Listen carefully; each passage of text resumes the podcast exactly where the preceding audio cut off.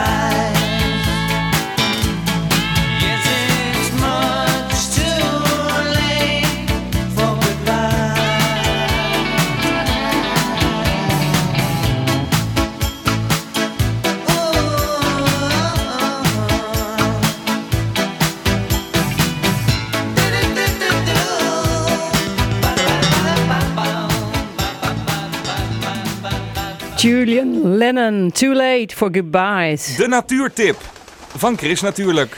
De dagen worden weer langer en misschien heb je ze alweer gezien. Vleermuizen. Na de vogels, de mollen, de vlinders en de egels kun je nu ook vleermuizen tellen in je tuin. Gisteravond kon je die al meetellen en vanavond weer. Over de vleermuistuintelling praat ik met Marlot Jonker van de Zoogdiervereniging. Marlot, goedemorgen. Hoi, goedemorgen. Jij hebt eh, zelfs een eh, koffiemok met een vleermuis erop. Dus dan moet je wel echt een vleermuisgek zijn. Ja, ja dat, dat, dat klopt. Ik ben al eh, twaalf jaar eh, eh, met van allerlei dingen met vleermuizen bezig. Ja. Eh, Wat vind jij zo leuk aan vleermuizen? ja, vleermuizen zijn gewoon enorm fascinerende dieren natuurlijk, omdat het ja, vliegende zoogdieren zijn. En ehm, als je kijkt naar die botstructuur, dat is gewoon hetzelfde als wat wij, wij in onze handen hebben. Dus dat, dat vind ik al fascinerend. En ehm, ja, het zijn natuurlijk nachtdieren, dus eh, dat hele systeem van echolocatie en ultrasonen geluiden en hoe ze zich daarmee oriënteren vind ik super fascinerend. En ehm, ja, echt, was echt hoe meer ik over die beestjes wist, hoe, hoe, hoe leuker ik ze vind, zeg maar. Ja, Ja, maar ik denk niet dat iedereen het met je eens zal zijn. Want er zijn ook echt mensen die bang zijn voor vleermuizen. Begrijp je dat? Ja, ik, ik snap het wel. Zeg maar, eh, de, eh, van mijn oude, verhalen van Dracula en, en eh, vanaf sprookjes al, zeg maar, zijn vleermuizen natuurlijk niet heel populair. En daar heeft de afgelopen twee jaar natuurlijk ook niet aan bijgedragen. Met corona bedoel je en de vleermuizen die daar de schuld van kregen. Dat die Ja. dat overbrachten op mensen. Ja. Ja, precies. Als, als, eh, als het gaat over vleermuizen in het nieuws, dan is het of, of samen met corona of een bouwproject wat, wat, wat vertraging oploopt, omdat er gewoon niet vroeg genoeg gekeken is naar vleermuizen. Ehm, ja, dat is natuurlijk, dat, dat ligt niet aan die vleermuis, maar ook aan hoe, hoe mensen met dat soort dingen omgaan. Dus dat is wel, dat is wel jammer natuurlijk, ja.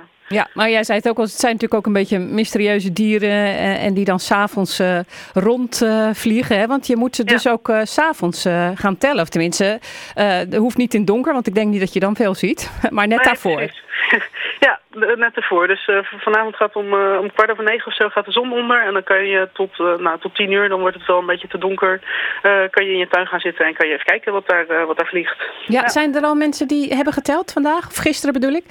Ehm, ja, gisteravond eh, eh, heb ik even gekeken en toen eh, hadden er al best wel wat mensen geteld. Ik kreeg ook allemaal appjes van collega's en vrienden van, nou, ik zit in de tuin. Dus ehm, ja, ik heb zelf ook even geteld gisteren. Ik had eh, vier gewone dvleermuizen in mijn kleine stadstuintje in Utrecht. Dus, dus daar was ik eigenlijk al heel blij mee. Ja, en, en ja. wat zijn dat voor vleermuizen, die gewone? Dwergvleermuizen? Ja, dat is, eh, dat is de gewone dwergvleermuis. En die eet eh, eh, gewoon mugjes en dansmugjes en, en kleine vliegjes. En ja, zo'n hele kolonie kan dan eigenlijk best wel heel veel insecten opeten. Dus, Ja, want hoeveel insecten eet een gemiddelde vleermuis? hoe- qua aantal, volgens mij was dat gewoon een aantal duizend. Maar als ja, je dat had ik ook gelezen, ja. Echt bedenkt dat zo'n he- zo'n hele kolonie, die kan dan gewoon, eh, eh, nou ja, eh, op, ja, ik weet het precieze aantallen niet in de ochtend, sorry. Nee, nou ja, je moet even een beetje koffie Ja. nemen uit je vleermuizen koffiemok. maar je weet wel hoe je dan andere vleermuizen kunt herkennen, want het lijkt mij best nog wel ingewikkeld. Ja, dat is het ook wel hoor, want het is natuurlijk zo'n fladderende, eh, s- giftige schemer, zeg maar. En dan, eh, eh, ja, we hebben zo'n zoekkaart gemaakt, daar kan je de silhouetten op zien. En als, als je dan meerdere hebt vliegen, dan kan je wel zien, oh ja, die is inderdaad groter. Of eh, eh, als, eh, als een grotere vleermuis eh, iets langzamer overvliegt, dan kan je misschien zelfs de vorm van de staart of dat soort dingen eh, bekijken. Maar als je zegt, ja, vleermuis onbekend, dat is voor deze telling is dat ook prima. Dus ehm, ja. Jullie zijn al eh, blij dat mensen meetellen. Maar bijvoorbeeld eh, eh, zo'n gewone dwergvleermuis, moeten we eens even vertellen. Want die heb ik wel eens een- in een dode heb ik wel eens gezien. En die past gewoon in een luciferdoosje. Zo klein. Ja, dat klopt. Ja, dus als hij vliegt eh, lijkt het wel wat, maar het is inderdaad eh, ja, een beestje van eh, tussen 3, 4 gram en dat past gewoon in een luciferdoosje. Ja, en dan, eh, dan staat er op die zoekkaart van, nou is hij, is hij groter of kleiner dan een spreeuw? Die houden jullie een beetje aan dan, hè? Want welke Ja. soort is bijvoorbeeld groter dan een spreeuw? En dan heb je bijvoorbeeld de rosse, die is echt groot. Ehm, die woont ook in, in, in grote bomen. En de laatvlieger bijvoorbeeld, die kan wel ook in een gebouw zitten. Die is ook, ja, die is ook groot. Ja. Ja, en die laatvlieger, zie je die dan nog wel voor tien uur? Of heeft dat niks met de, met de laatvlieger eh, naam te maken? Nou, dat klopt, want eh, de rosse vleermuis die heette vroeger de vroegvlieger. Dus dan had je een vroegvlieger en een laatvlieger. Ehm, dus dat zijn allebei grote vleermuizen. En de laatvlieger komt inderdaad iets later, maar je kan die wel nog ook, eh, ook zien ehm, in het uur van de schemer. Ja, en hoeveel vleermuizensoorten komen er in Nederland voor? In Nederland hebben we 18 soorten. En eh, eh, die hebben allemaal ja, net sorry, andere specialisatie. Eh, dus de een die jaagt echt over water. En ehm, de ja, andere echt langs de bomen en andere meer in open lucht. Ja, dus als je een vijver hebt of zo, dan, dan zie je bepaalde soorten misschien eerder dan als je in een stenige wijk woont. Ja, ja als je een grote, grote vijver hebt, dan ehm, kan je ook echt vlak over het wateroppervlak kan je goed kijken. Sorry. ik Nou, neem ook een slokje water. Heb je ook een glas, eh, een glas met een vleermuis erop of niet? Zo, ehm, ja, die, dan kan je dus vlak over water kan je die watervleermuizen zien, eh, zien jagen op ehm, de larven van muggen bijvoorbeeld. En dan eh, ja, zie, kan je ook echt zien hoe ze dan over het water schrapen. Dat is heel leuk om te zien. Ja, maar stel nou dat je helemaal geen vleermuizen ziet. Hè? Eh, Ja. en je, dus je zit eh, vanavond te kijken en je wilt ze wel in de tuin. Heb je dan nog tips? Kan je iets doen om, om dat beter Ja. te maken voor vleermuizen? Ja, er zijn allemaal tuintips die je kan doen inderdaad. Ehm, eh, dat is vooral ook zorgen dat het donker blijft in je tuin. Dus als je veel verlichting hebt die uitzetten, bepaalde planten eh, dragen natuurlijk bij aan eh, insecten die ook eh, s'nachts actief zijn. Dan moet je bijvoorbeeld denken aan eh kamperfoelie. Eh, water is inderdaad altijd goed. Dan, eh, dan krijg je ook wat meer insecten in je tuin. En je kan ook eh, eh, ja, vleermuiskasten ehm, in je huis bouwen of aan je huis maken. En dat soort dingen dus zorgen dat, het, eh, dat ze wat plekjes hebben en dat je tuin een beetje rommelig is en niet, niet al te netjes. Ja, en waarom moeten de mensen nou meedoen aan deze telling? Ja, Volgens jou? Omdat, omdat het gewoon superleuk is. Eh, zeker als je niet veel van vleermuizen weet en denkt, ja, maar dat is toch, toch moeilijk en dat zie ik niet. En ik heb geen vleermuis in de tuin.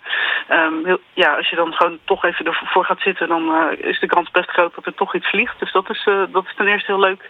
En ten tweede is het natuurlijk heel tof dat er, dat er echt met, met honderden, misschien wel duizenden mensen tegelijkertijd in de tuin wordt geteld. Dus dat je dan in één keer zo'n heel beeld hebt over heel Nederland. Van nou ja, hier zijn ze dus dan allemaal actief. Dat is heel tof.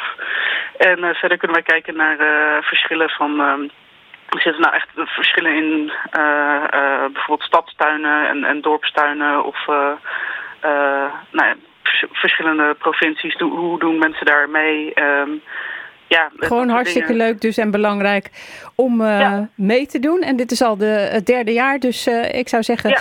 eh, zet hem op. Allemaal meetellen nu voor deze derde vleermuistuintelling. Marlo, dankjewel. En eh, voor de zoekkaart en andere informatie over de vleermuistuintelling... kijk je op chrisnatuurlijk.nl en daar vind je een linkje met meer informatie. What would I do without your smart mouth? Drawing me in and you kicking me out. You got my head spinning, no kidding. I can't pin you down. What's going on in that beautiful mind? I'm on your magical mystery ride. And I'm so dizzy, don't know what hit me, but I'll be alright.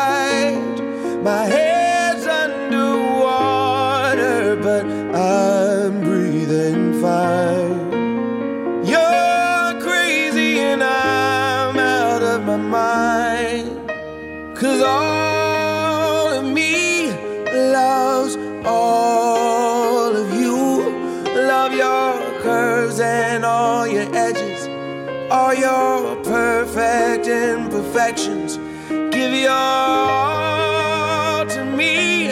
I'll give my all to you.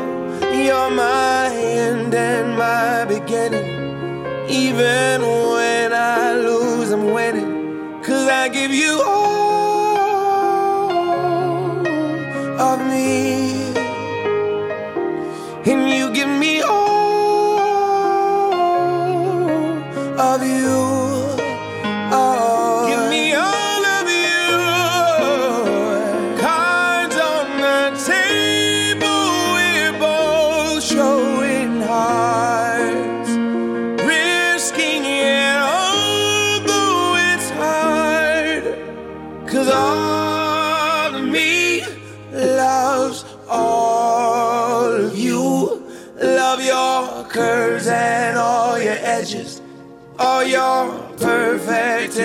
imperfections give your all to me i'll give my all to you you're my end and my beginning.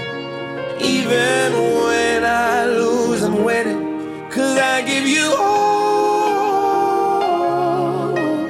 of me. And you give me all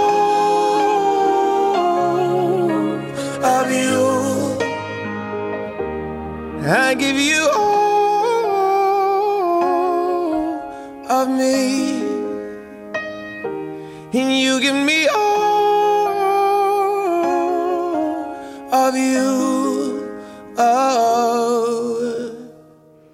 John Legend, All of Me. Chris natuurlijk. Op Radio Rijnmond. We moeten samenwerken met de natuur in plaats van de natuur tegen te werken. In de oude kleedkamers van het voormalige zwembad Tropicana in Rotterdam zit het Blue City Lab. Ontwerpers, wetenschappers en ondernemers die werken er samen aan oplossingen om vervuilende materialen zoals plastic of beton te kunnen vervangen. Voorbeelden daarvan zijn vrijdag 13 mei te zien tijdens het evenement Symbiosis. Chris natuurlijk die gaat vast kijken en wordt ontvangen door directeur Nienke Binnendijk. Wat hier gebeurt is een heleboel verschillende experimenten eh, met en voor de natuur. Dus eh, wij noemen onze huurders pioniers. Pioniers in bio-oplossingen maken. Denk aan een tegel van eendekroos, een jurk geverfd met pigmenten gemaakt door schimmels. Tot aan een notitieboekje waarin je kan kennismaken met het papier van morgen. Het stomme is dat we gewoon nog steeds papier maken van bomen. Terwijl we die bomen hebben, hebben we nodig om mee te bouwen. Het leuke is dat je van een heleboel verschillende grondstoffen papier eh, kan maken. En hoe ver zijn ze nou eigenlijk met die uitvindingen? Ja, dat verschilt per eh bionier. Sommige die, eh, zijn al uit het lab ontwikkeld. Eh, daar gaan jullie straks meer over horen. Eh andere zijn volop aan het testen, zoals de eendekroostegel. Die zijn nu in Leiden en in Delft en hier in Rotterdam aan het testen. Hoe je dus van eendekroos tegels maakt, wat weer groene tuintjes oplevert. Je zegt ja, het lijkt helemaal niet op die uitvinders van vroeger, maar hierachter zie ik een, een lab. Het ziet er best wel uit zoals die uitvinders van vroeger deden. Misschien moeten we even gaan kijken daar. Lijkt me een goed idee. Jeanette Verdonk, eh, jij bent eh, onze gastvrouw eh, vandaag, want jij leidt ons een beetje rond door Blue City. Jij bent ook van Blue City en we gaan nu hier, het ene lab is het een droog of een nat lab waar we nu naar binnen gaan. We gaan naar het Fungi Lab. Dus we gaan nu bij het project kijken Fabulous Fungi met Nick. En die gaat ons even vertellen wat dat project allemaal inhoudt en waar hij mee bezig is. Dus en ik zie hem al. Goedemorgen. Hallo, goedemorgen. Jij bent de schimmel-expert hier van eh, Blue City. Ik vind het een prachtige titel. En hij past wel bij me. Wat wordt er dan hier allemaal verzonnen met eh, mycelium bijvoorbeeld? Hè? Want dat zijn die schimmels. Mycelium, hè, dat zeggen we altijd, dat is de, de wortelstructuur van schimmels. Nou, dat is bullshit, zeg ik meteen. Want eh, zo'n woord mag ik best wel gebruiken op Radio Rijnmond, vind ik. Ik zeg het altijd maar, ik bekijk het meer als een slukje water. Eh, dat is eigenlijk het organisme. En op een gegeven moment gaat die vruchtlichamen vormen als we dus over paddenstoeltjes praten. Maar heel veel schimmels, die maken geen paddenstoelen. Kijk naar je camembertkaasje, eh, daar zit ook schimmel op. Eh, zou je misschien niet denken, maar dat is dus juist waar die, die smaak aan ontleent. Maar die zal nooit paddenstoeltjes vormen daar. Dus het schimmelnetwerk, eh, dat is dus eigenlijk het mycelium waar we over praten. Nou ja, en dat is eigenlijk een, een organisme, of dat zijn type organismen waar je dus hele leuke dingen mee kan doen. Dat kan je aan de design kan doen, meubelpanelen mee maken, eh, maar ook in voedsel. eh, daar worden ze eigenlijk al honderden, zo niet duizenden jaren gebruikt. Alleen, ja, dat vinden we eigenlijk normaal. Als wij sojasaus eten, dan denken wij niet aan het feit dat er ook schimmels bij betrokken zijn geweest. Een van de dingen die hier wordt bedacht in het lab, dat is eh, om er verf eh, van te maken, verfstoffen. Ja, schimmels zijn uitermate geschikt om kleurstofjes mee te maken. Loop even mee, gezellig. En eh, hou die microfoon onder mijn neus. Kijk, hier hebben we wat... eh, Ja, hier borrelt het. Dit- zijn dus eigenlijk kleine fabriekjes, bioreactoren. Daar gaan de schimmels dus in, in groeien. Dat we dus een, een, een, ja, voldoende materiaal kunnen hebben om onze testjes mee te doen op kledingstof. Nou ja, hier zijn we bezig met een schimmeltje. Die maakt dus een prachtig eh, rood kleurtje. Dat zit dus echt in de vloeistof eromheen. Je ziet de schimmel, eh, die liggen op de grond als eh, donkere vlekjes. En eigenlijk eromheen zie je allemaal de rode kleur. En ja, die rode kleur willen wij dus gewoon uiteindelijk op textiel stoppen. Mijn collega Ilse, Erik, die gaan dus uiteindelijk verder om te zien wat is nou de beste ja, eh, mogelijkheid om het eh, te, te laten kleuren. En dat het niet na één wasbeurt weer stralend wit is geworden bijvoorbeeld. Het moet vooral blijven zitten. Wat is het voordeel? Ja, de textielindustrie is gewoon een hele vervuilende industrie. Eh, we maken allemaal hele mooie kleurtjes wat, wat, wat, eh, eh, waar heel veel verf voor nodig is. Nou, daarna moet er heel veel gewassen worden. En al dat afvalwater, dat wordt voornamelijk op het oppervlaktewater geloosd. Want ja, dat is goedkoper dan dat je het schoon gaat maken. Ze willen natuurlijk dat jouw truitje heel lang zijn kleur behoudt. Dus het zijn vrij resistente kleuren. Dus die blijven ook heel lang in het milieu zitten. En daar moet dus eigenlijk de natuur weer een opruimmechanisme voor verzinnen. Nou, dit soort schimmels, daar zou je misschien wel van kunnen denken, moet allemaal getest worden, dat ze eh, uiteraard, nou ja, om ze te maken is het al milieuvriendelijker. Want we gebruiken gewoon weer die circulaire economie, grondstoffen om dus daarmee te maken. En ehm, ja, anderzijds kan je je ook voorstellen dat dit soort stofjes makkelijker, ze worden gemaakt door schimmels, maar ook weer makkelijker door de natuur afgebroken eh, gaan worden. En dat zullen we dus inderdaad met een life cycle analysis allemaal moeten gaan bepalen.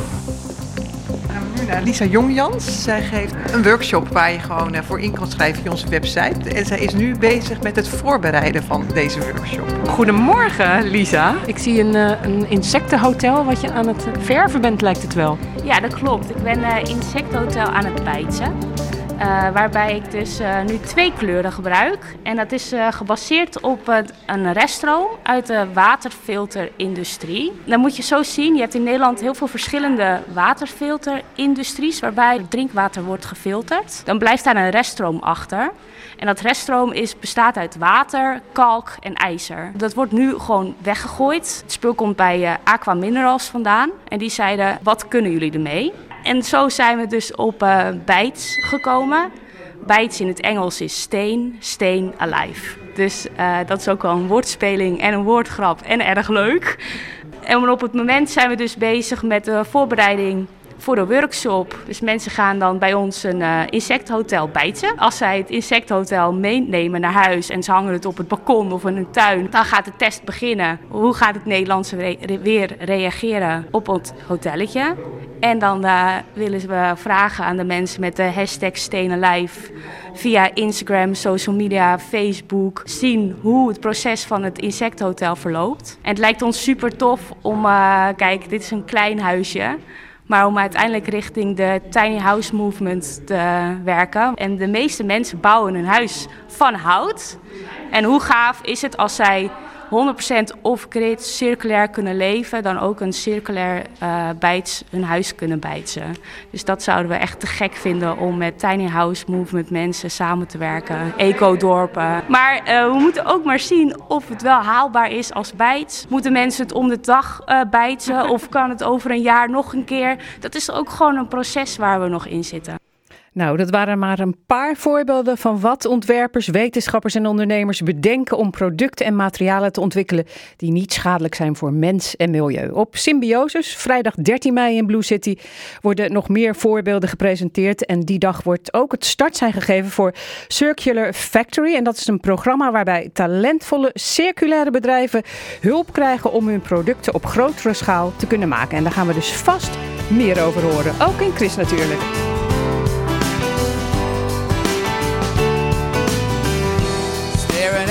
Maple leaf, leaning on the mother tree. I said to myself, we all lost touch. Your favorite fruit is chocolate covered cherries and seedless watermelon. Oh, nothing from the ground is good enough. Body rise,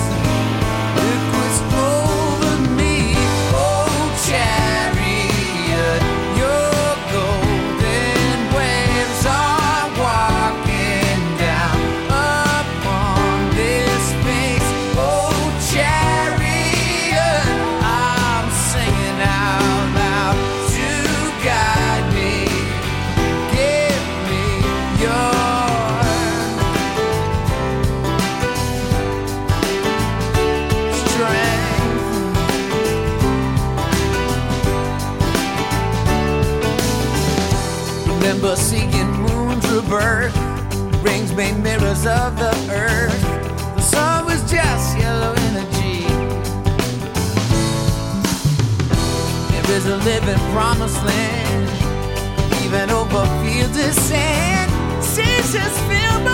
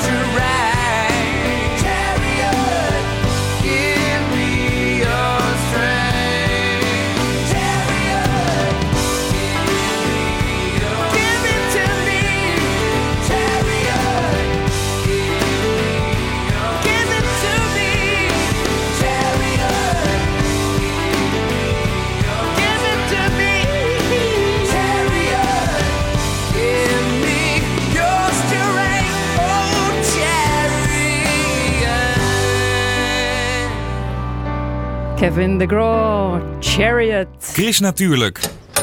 De weekendbijlage. Wat staat er in de weekendkranten over groen, natuur en milieu? Je hoort het in het overzicht. Ik lees het samen met Aries van Meteren. Aries, goedemorgen. Jij gaat beginnen. Goedemorgen. Ja, bijen eten geen gras, ze willen bloemen. Hoe meer bloemen, hoe meer nectar en hoe meer blije bijen en insecten. Dus maai mei niet, roept iedereen op om in mei het gras niet te maaien. Het initiatief voor de oproep komt van de stichting Steenbreek, Flora van Nederland en de Bijenstichting. Wat is bioplastic? Wat gooi je wel en niet in de recyclebak? En waarom zijn die groentes in folie gewikkeld? Met oog op de maand mei plasticvrij geven experts in de weekendbijlage van het AD antwoord op deze vragen. In de weekendbijlage van de Volkskrant een foto van een duiker die in een wei van zeegras in de Middellandse Zee duikt naar een meetstation. De metingen laten zien dat er veel suikers in de bodem zitten en dat is goed nieuws. Zeegrassen houden deze suikers vast en hoe meer suiker in de bodem, hoe minder CO2 in de atmosfeer. Verpakkingsvrij boodschappen doen, energie opwekken in de buurt, kleding lenen in plaats van kopen. Zulke initiatieven moeten beter gesteund worden, vindt Green Wish, een club die duurzame ideeën verder wil helpen. Je leest erover in Trouw. Van een iep uit het park bij de Euromast tot honingbomen uit het Zuiderpark of een beuk uit het Kralingse Bos. Bij de circulaire bouwmarkt Buurman in Rotterdam-West is het dit weekend Stadshoutweekend. Je kunt dan gezaagde stammen van Rotterdamse bomen kopen. Lijkt me leuk. Aries van Meteren was dat met het groene nieuws uit de weekendkranten en daarbuiten. Dankjewel. Gaan we door met het weerbericht en dat komt van Ed Al. Dus Ed, goedemorgen. Ja, dag Chris, hele goede morgen. Hallo, zeg, wat heb jij weer eh, prachtige vossen gefotografeerd eh, afgelopen week? Hoe was dat om te doen? Ja, superleuk Chris. Eh, dat heb ik gedaan in de Amsterdamse waterleidingduinen. Dat ligt zeg maar tussen Den Haag en Zandvoort in. En groot duingebied daar zo. Het is alleen een heel eind, eind lopen. Ruim 5 kilometer wel naar die vosjes toe. Nou, dan moet je ze natuurlijk ook nog signaleren. Maar dat is dan wel gelukt. En, En dan heb je pijn aan je schouder van al die apparatuur sjouwen. Ja, kijk, je, je loopt dan wel op, op zo'n dag inderdaad eh, ze- zeg maar eh, 10 kilometer. Dus eh, ja, je bent dan wel moe als je dan weer thuis bent, dat wel. Maar, die, die vossen komen gewoon echt naar je toe? Of, of ben je dan toch wel op een flinke afstand? Nee, nee hoor, die vosjes die, zijn eigenlijk best wel tam en mak, want ze zijn wel wat mensen gewend, zeg maar. Dus eh, als je ze eenmaal hebt gevonden, dan eh, kunnen ze zelfs eh, wat dichtbij komen. En deze welpjes waar ik dan naar op zoek was, ik heb er dan maar één gevonden. Ja, die kwamen zelfs tot een meter afstand van mij. Want ik bleef gewoon zitten, maar ze komen gewoon naar je toe. Jeetje. Nou, het lijkt me wel geweldig. Maar ja, ik weet ook niet of het dan weer goed is dat ze naar je toe komen. Maar goed, dit terzijde. We gaan het hebben over het weer. Jij zei dat, de dat er kans was op regen, maar ik heb nog niet veel ervan gemerkt. Hier in ieder geval ja, niet. Het, het is ook allemaal niet veel, Chris. Eh, er passeert een heel zwak frontje in de loop van de dag. Daaruit zit inderdaad een licht regenbuitje, maar niet meer dan dat. Dus eh, ja, vanochtend zie je eigenlijk een mengelmoes van zon en bewolking. Eh, er zou in de loop van de ochtend verspreid dus een licht buitje kunnen voorkomen. Maar ja, ik denk dat ook nog wel dat heel veel plaatsen het gewoon droog houden vandaag in onze regio. En in de loop van de middag komt de zon er zelfs wat vaker bij. De temperatuur 15 graden langs de kust, 19 graden in Gooikum, dus helemaal niet verkeerd. Nou, wat opvalt, er staat nu nauwelijks wind. Vanmiddag staat er een matige noordwestenwind en windkracht 3 of 4. Eind van de dag komt de wind uit het noorden. Nou, vanavond en vannacht dan hebben we te maken met wolkenvelden en opklaringen, overal droog. De Dus eh, goed vleermuizen weer wel, denk ik. Om even in de tuin Ja, vleermuizen te tellen. Ja. En, en morgen wel. is moederdag. Ja, nee, zeker morgen moederdag. De temperatuur vannacht zakt dan naar een graad of 8. En morgen op moederdag, ja, ja, die, dat wordt een dag met een gouden randje, Chris. Want morgen is het alleen maar zonneschijn wat de klok slaat.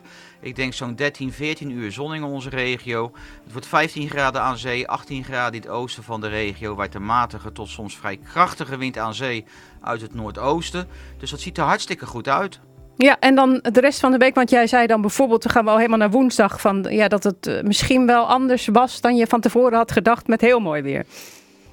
Ja, nou dat, dat gaat ook wel een beetje uitkomen inderdaad, want er is wel iets veranderd, maar het wordt eerst nog veel warmer.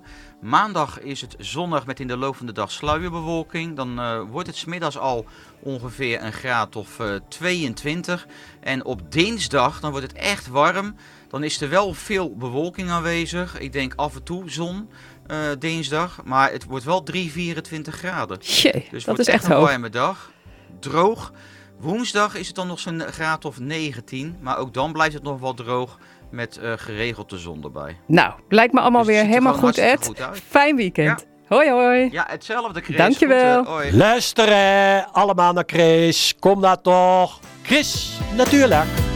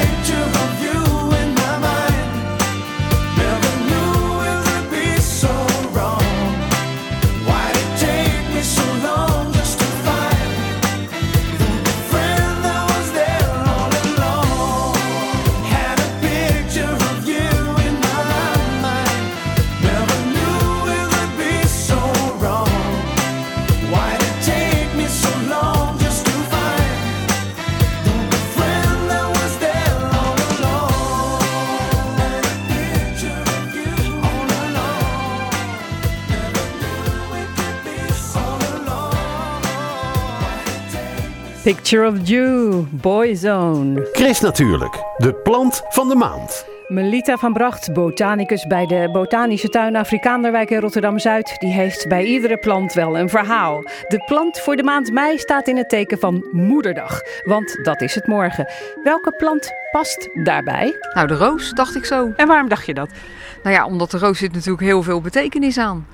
En eh, kennelijk verkoopt hij ook lekker. Want dat is natuurlijk ook altijd belangrijk. Want eh weet dat, eh, iedereen is altijd wild van een roos. Hè? Want een roos zit er natuurlijk heel veel verschillende betekenissen aan. Maar zou jij voor Moederdag rozen willen krijgen? Ja, maar altijd liever een tuinroos. Daar doe je gewoon veel langer mee. Want ja, laten we eerlijk zijn, dat rozen kweken, dat is allemaal, het is allemaal prachtig. Maar er zijn nog maar weinig biologische kwekers. Ik snap het ook wel, weet je wel, het dilemma van mensen van zo'n roos is prachtig. Maar denk er toch nog eens een keertje over na. En geef dan eh, liever voor moederdag een tuinroos. Dat doe, als ze een tuin heeft, hè, of een balkonnetje. Daar doe je gewoon veel langer mee. Er zitten dan nog wortels aan, die zijn niet afgesneden. Daar komt het eigenlijk op neer. Nou, goed idee. En als je toch rozen gaat geven, welke kleur dan? Nou, voor moederdag is het roze. Want roze, dat is de kleur van, eh, van de dankbaarheid. Dus als je roze bloemetjes geeft aan, eh, aan moeders, dan is dat eh, erg fijn. Alleen, om dan die dankbaarheid extra te uiten, moet het wel minimaal 50 zijn. Dus het drukt heel erg zwaar op je portemonnee, zullen we maar zeggen. Dus ik zou zeggen, ga even kijken voor zijn tuinroosje, hoe veel beter. Ja, en waar komt de roos eigenlijk vandaan oorspronkelijk? Nou, dat is grappig dat je dat vraagt, want die roos die bestaat al heel lang. Die roos die eh, blijkt door fossiele vondsten al eh, nou ja, meer dan 40 miljoen eh, jaar op de aarde te zijn. Dus al veel langer dat wij eh, die aarde bevolken, zullen we maar zeggen. Dit is, een, is zo'n tuinroos, hè? alleen deze klimt ook nog eens een keertje. Rosa multiflora heet dat ding. En je ziet het al, er zitten heel veel eh, bloemen aan. En stekels ook? Ja, want eh, hoe heet dat? dat spreekwoord is er natuurlijk niet voor niks. Hè? Geen roos zonder doornen. Nou ja, dat- Nou ja, soms krijg je met moederdag, dan halen ze gewoon lekker die doornen eraf. Dat, dat, dat gebeurt inderdaad. Nou, en misschien voor de mensen die toch die, die, hoe heet dat, die bloemen in huis gaan halen. Dan zeg ik altijd, eh doe ze dan wel heel goed verzorgen. Hè? Want een roos houdt bijvoorbeeld niet van tocht. En de, hoe heet dat, de mensen van, eh, van de bloemisterij die geven ook altijd zo'n zakje mee. Nou, doe dat er vooral in. Weet je wel, dat los je lekker op. En dan eh, schuin afsnijden, want als de wondgrootte kunnen ze meer vocht opzuigen.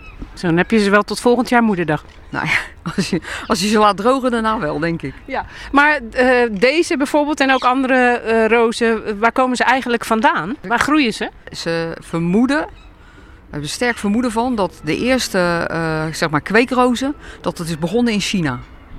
Echt dat we, weet je wel, die rassen allemaal eh, ja, steeds weet je wel, met elkaar kruisen, zodat ze grotere bloemen lekker ruiken. Hè, want dat vinden we ook allemaal heerlijk. Wie kent er geen rozenwater?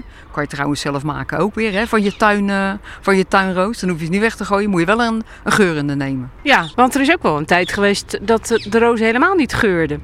Nee, toen wilden we alleen maar eh, hele grote bloemen. Hoe groter de bloemen waren, hoe mooier. En nu zijn ze weer bezig omdat wij erom vragen. En je kan ook gewoon, je kan ook gewoon een hele mooie oude roos nemen. hè. Rosa gallica bijvoorbeeld.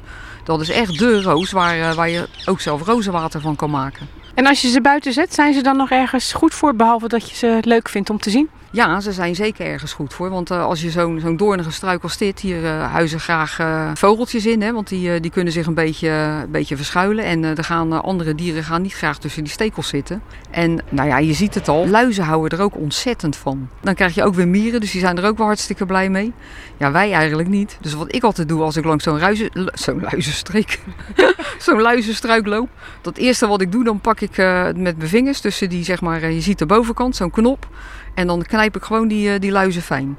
En op die lucht, dat je ze fijn knijpt, daar komen weer eh kapoentjes op af. Dus die kapoentjes, die ruiken dat, weet je wel, dat, die beesten, dat ik die beesten vermoord heb. En dan komen ze eitjes erop afzetten. Nou ja, en dan eh, is de cirkel rond. Dan heb je altijd wel een paar luizen, maar eh, nooit te veel. Kijk, er loopt al een Kijk nou, je kan hem nu al zien, er loopt al een, een kapoentje op. Dus dat is goed. Ja, en voor de luisteraars die dat woord niet kennen, lieve heersbeestje ook hè? Ja, maar als je echt een Rotterdammer bent, dan weet je wat een kapoentje is, toch? Ik wens jou een fijne moederdag. Nou, jou ook. I beg your pardon. I never promised you a rose garden along with the sunshine. There's gotta be a little rain sometime. When you take, you gotta give. So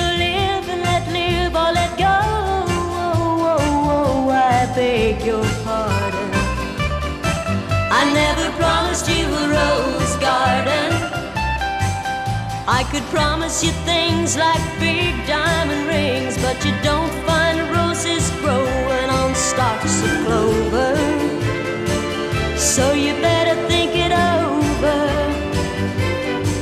Well, if sweet talking you could make it come true, I would give you the world right now on a silver platter. But what would it matter? So smile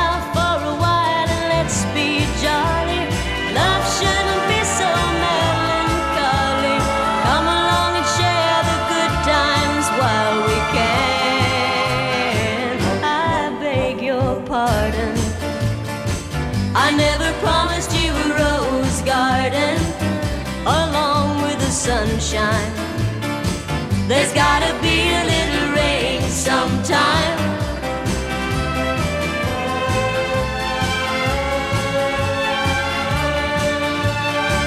I beg your pardon.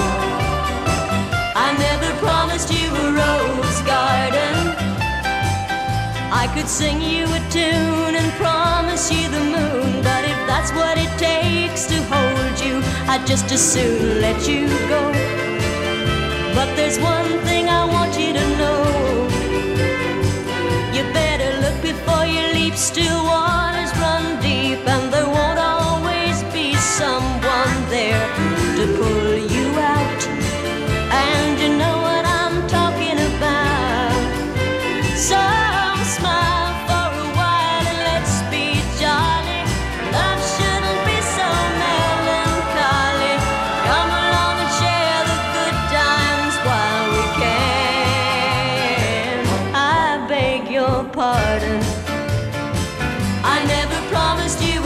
I beg your pardon, maar dit nummer Rose Garden zit nu echt de hele dag in je hoofd. Chris Natuurlijk.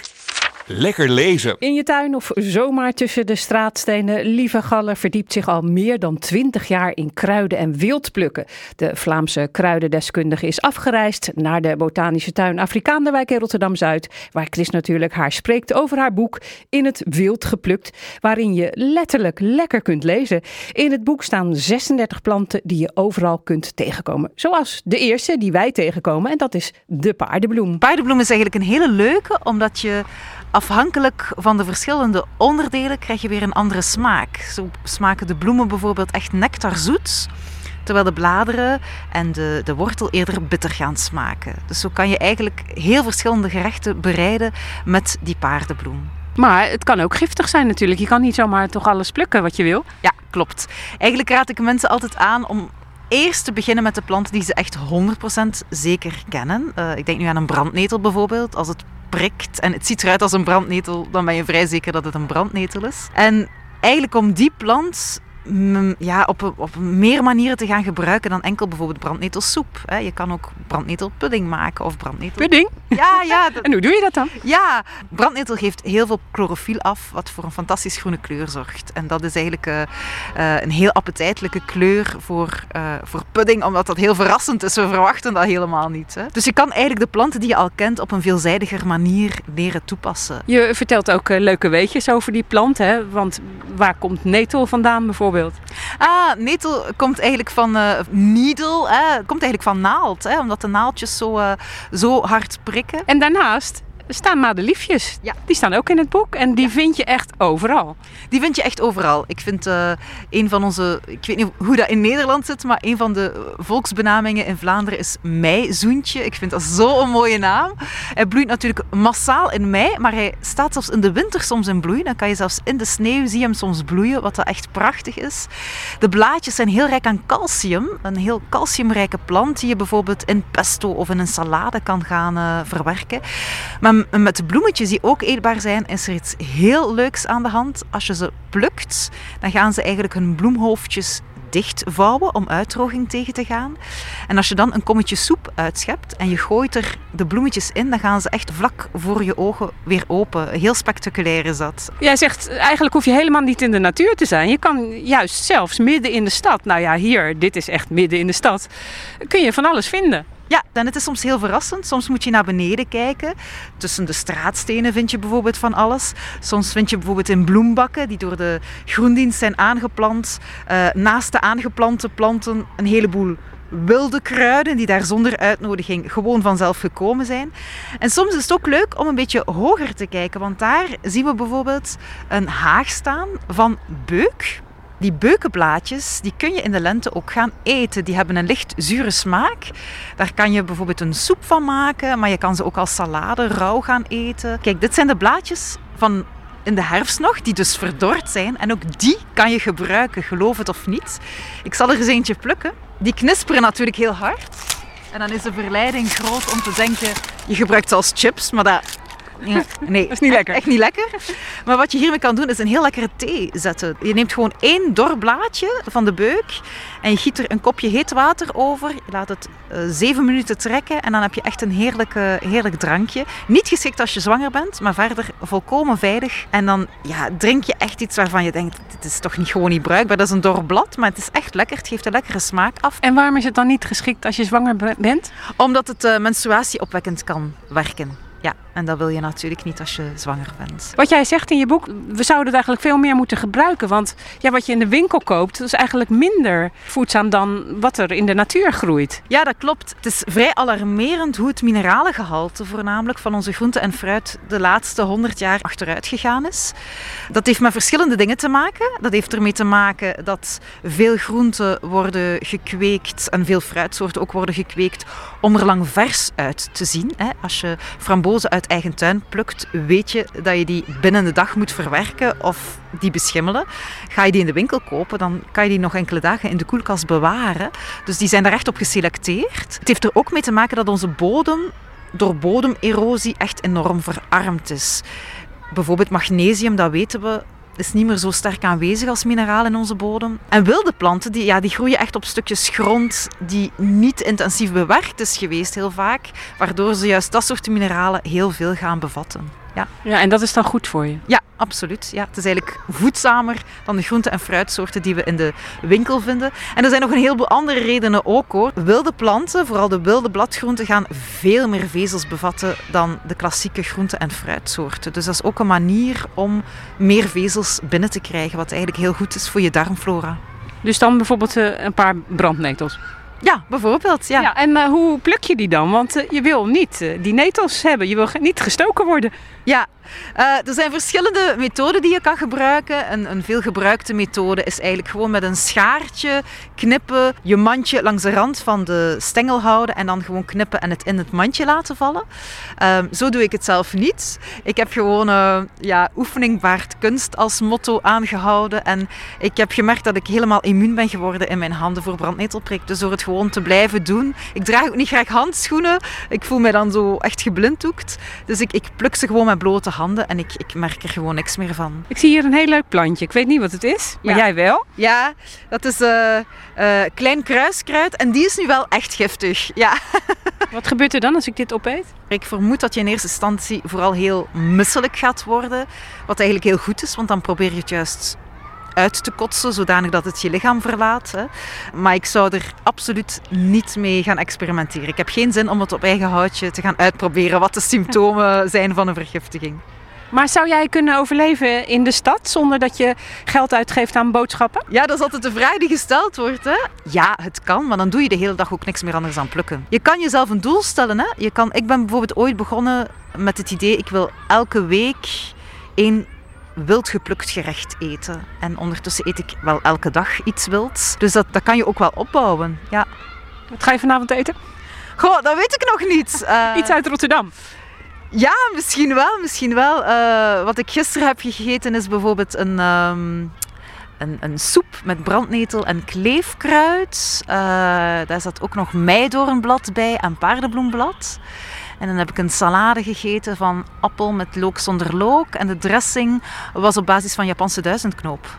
Zo, dat is ook een goeie, Japanse duizendknoop. Daar kan je dus ook van alles mee eh, maken. Ja, dat is een hele fijne, omdat je daar echt ja, jezelf helemaal kan laten gaan. Als je veel wil plukken, ga vooral naar die Japanse duizendknoop. En je, je plukt ze eigenlijk als ze ongeveer 10, 15 centimeter hoog zijn, de scheuten. Ze zien er een beetje uit als asperges, maar dan in het rood, die uit de grond komen. Ja, je kan er van alles mee doen. Eigenlijk, ze smaken naar rabarber. Dus alle recepten voor rabarber, dat gaat van confituur tot chutney, liqueur, siroop. eh, ja, van alles eigenlijk. Moes kan je, kan je perfect maken met de Japanse duizendknoop. Het is ook nog eens een stukje voedzamer dan de rabarber. Ja. Ja, want het gaat eh, jou om planten die je echt ook eh, makkelijk in de stad kunt vinden. Ja, ja, en echt heel algemeen voorkomende planten. Dus geen beschermde planten, geen planten die, ja, die toch wel wat zeldzaam zijn, maar echt ja, degene die je eigenlijk overal zomaar vindt. Hè. Ah, of deze. Dit is ook een hele leuke. We staan hier bij het Robertskruid. En eh Robertskruid ja, komt aan zijn naam, is genoemd naar Robert. Dat is eigenlijk een, eh, een figuur uit de Ierse folklore. Hij wordt ook wel eens Puck genoemd en die ken je misschien vanuit Midsomernachtstroom van Shakespeare. Puck is een echte plaaggeest en Robert dus ook. En er wordt gezegd als je Robertskruid te veel plukt zonder respect te hebben voor het plantje, dat Robert s'nachts je huis binnenkomt, alle lichten dooft om dan in je billen te knijpen. Maar het is eigenlijk... Heb je het wel eens meegemaakt? Nee, gelukkig niet. maar ik pluk ook altijd maar respect. Dus, eh, ehm, maar het is een hele lekkere om op te eten. Je kan de bloemen eten, je kan ook de blaadjes eten. Al is het een beetje zoals met korianderblad. Je hebt lovers, je hebt haters en je hebt tussenin niet al te veel mensen. Je, kan hem, je gebruikt deze echt wel als kruid. Dus dat heb je ook met die wilde planten. Je hebt er die je echt in kleine hoeveelheden gebruikt, als kruid of als specerij. En je hebt er die je echt als groente kan gebruiken. Pakweg eh, brandnetel, dovennetel, zevenblad bijvoorbeeld. Was jij nou verbaasd dat je zoveel kon vinden in Rotterdam? Nee, eigenlijk niet. Ik heb al eh, verschillende jaren ervaring met wildplukken in de stad. Ehm, het is ook heel fijn om te zien hoe er in de stad ook planten voorkomen die je zelfs helemaal niet vindt buiten de stad. Eh, vaak zijn dat planten die mee komen reizen. Hè. Je ziet dat vaak ook in havensteden, zoals Rotterdam. Hè. Ze komen mee met de boten. En wat ook heel leuk is, is dat je soms ehm, tomaten bijvoorbeeld hebt. Iemand eet een broodje met tomaat. Het schijfje tomaat valt eruit en de, de zaadjes ontkiemen. Wel, buiten de stad gaan die nooit tomaten dragen. Maar binnen de stad zien we de laatste jaren dat er echt wel wilde tomatenplanten zijn. Die toch, ja, waarvan vruchten echt gaan afrijpen eigenlijk. En met een beetje geluk staat er dan een wilde slaapplant naast. Ik kreeg er trouwens honger van, van al die recepten in het boek. Heb je nou nog iets lekkers wat we bij het ontbijt kunnen eten? Ja, eh, je kan bijvoorbeeld een, een groene smoothie maken, maar dan met, met wilde planten. En dan kan je gewoon bijvoorbeeld als basis ja, banaan of zo gebruiken, een, een lekker zoetsmakende vrucht. En dan kan je daar bijvoorbeeld eh, verse brandneten aan toevoegen. Je kan daar vogelmuur aan toevoegen. Je zou zelfs een beetje zevenblad kunnen toevoegen. En dan doe je dat allemaal samen in de blender en dan maak je een lekkere groene wilde smoothie om de dag helemaal wild te beginnen. Maar je kan bijvoorbeeld ook, als je eh, eerder houdt van havermoutpap bijvoorbeeld als ontbijt, is het ook bijvoorbeeld heel leuk om de paardenbloem uit elkaar te trekken en eigenlijk als eetbare bloemenconfetti over je havermout te strooien. Nou, alle moeders weten wat ze morgen voor hun moederdagontbijt eh, krijgen. In het wild geplukt, zo heet het boek van Lieve Galle. Is misschien inderdaad een leuke last-minute tip voor moederdag. Het boek kost bij de winkel in je buurt 24,95 euro. En er is één luisteraar die het boek kan winnen. 010 436 4436 en dan maak je kant. En daarmee zijn we aan het einde gekomen van Chris Natuurlijk. Een programma van Chris Vemer, Aris van Meteren, Christel van de Wetering en Rob van der Meer. Die werkte mee vandaag.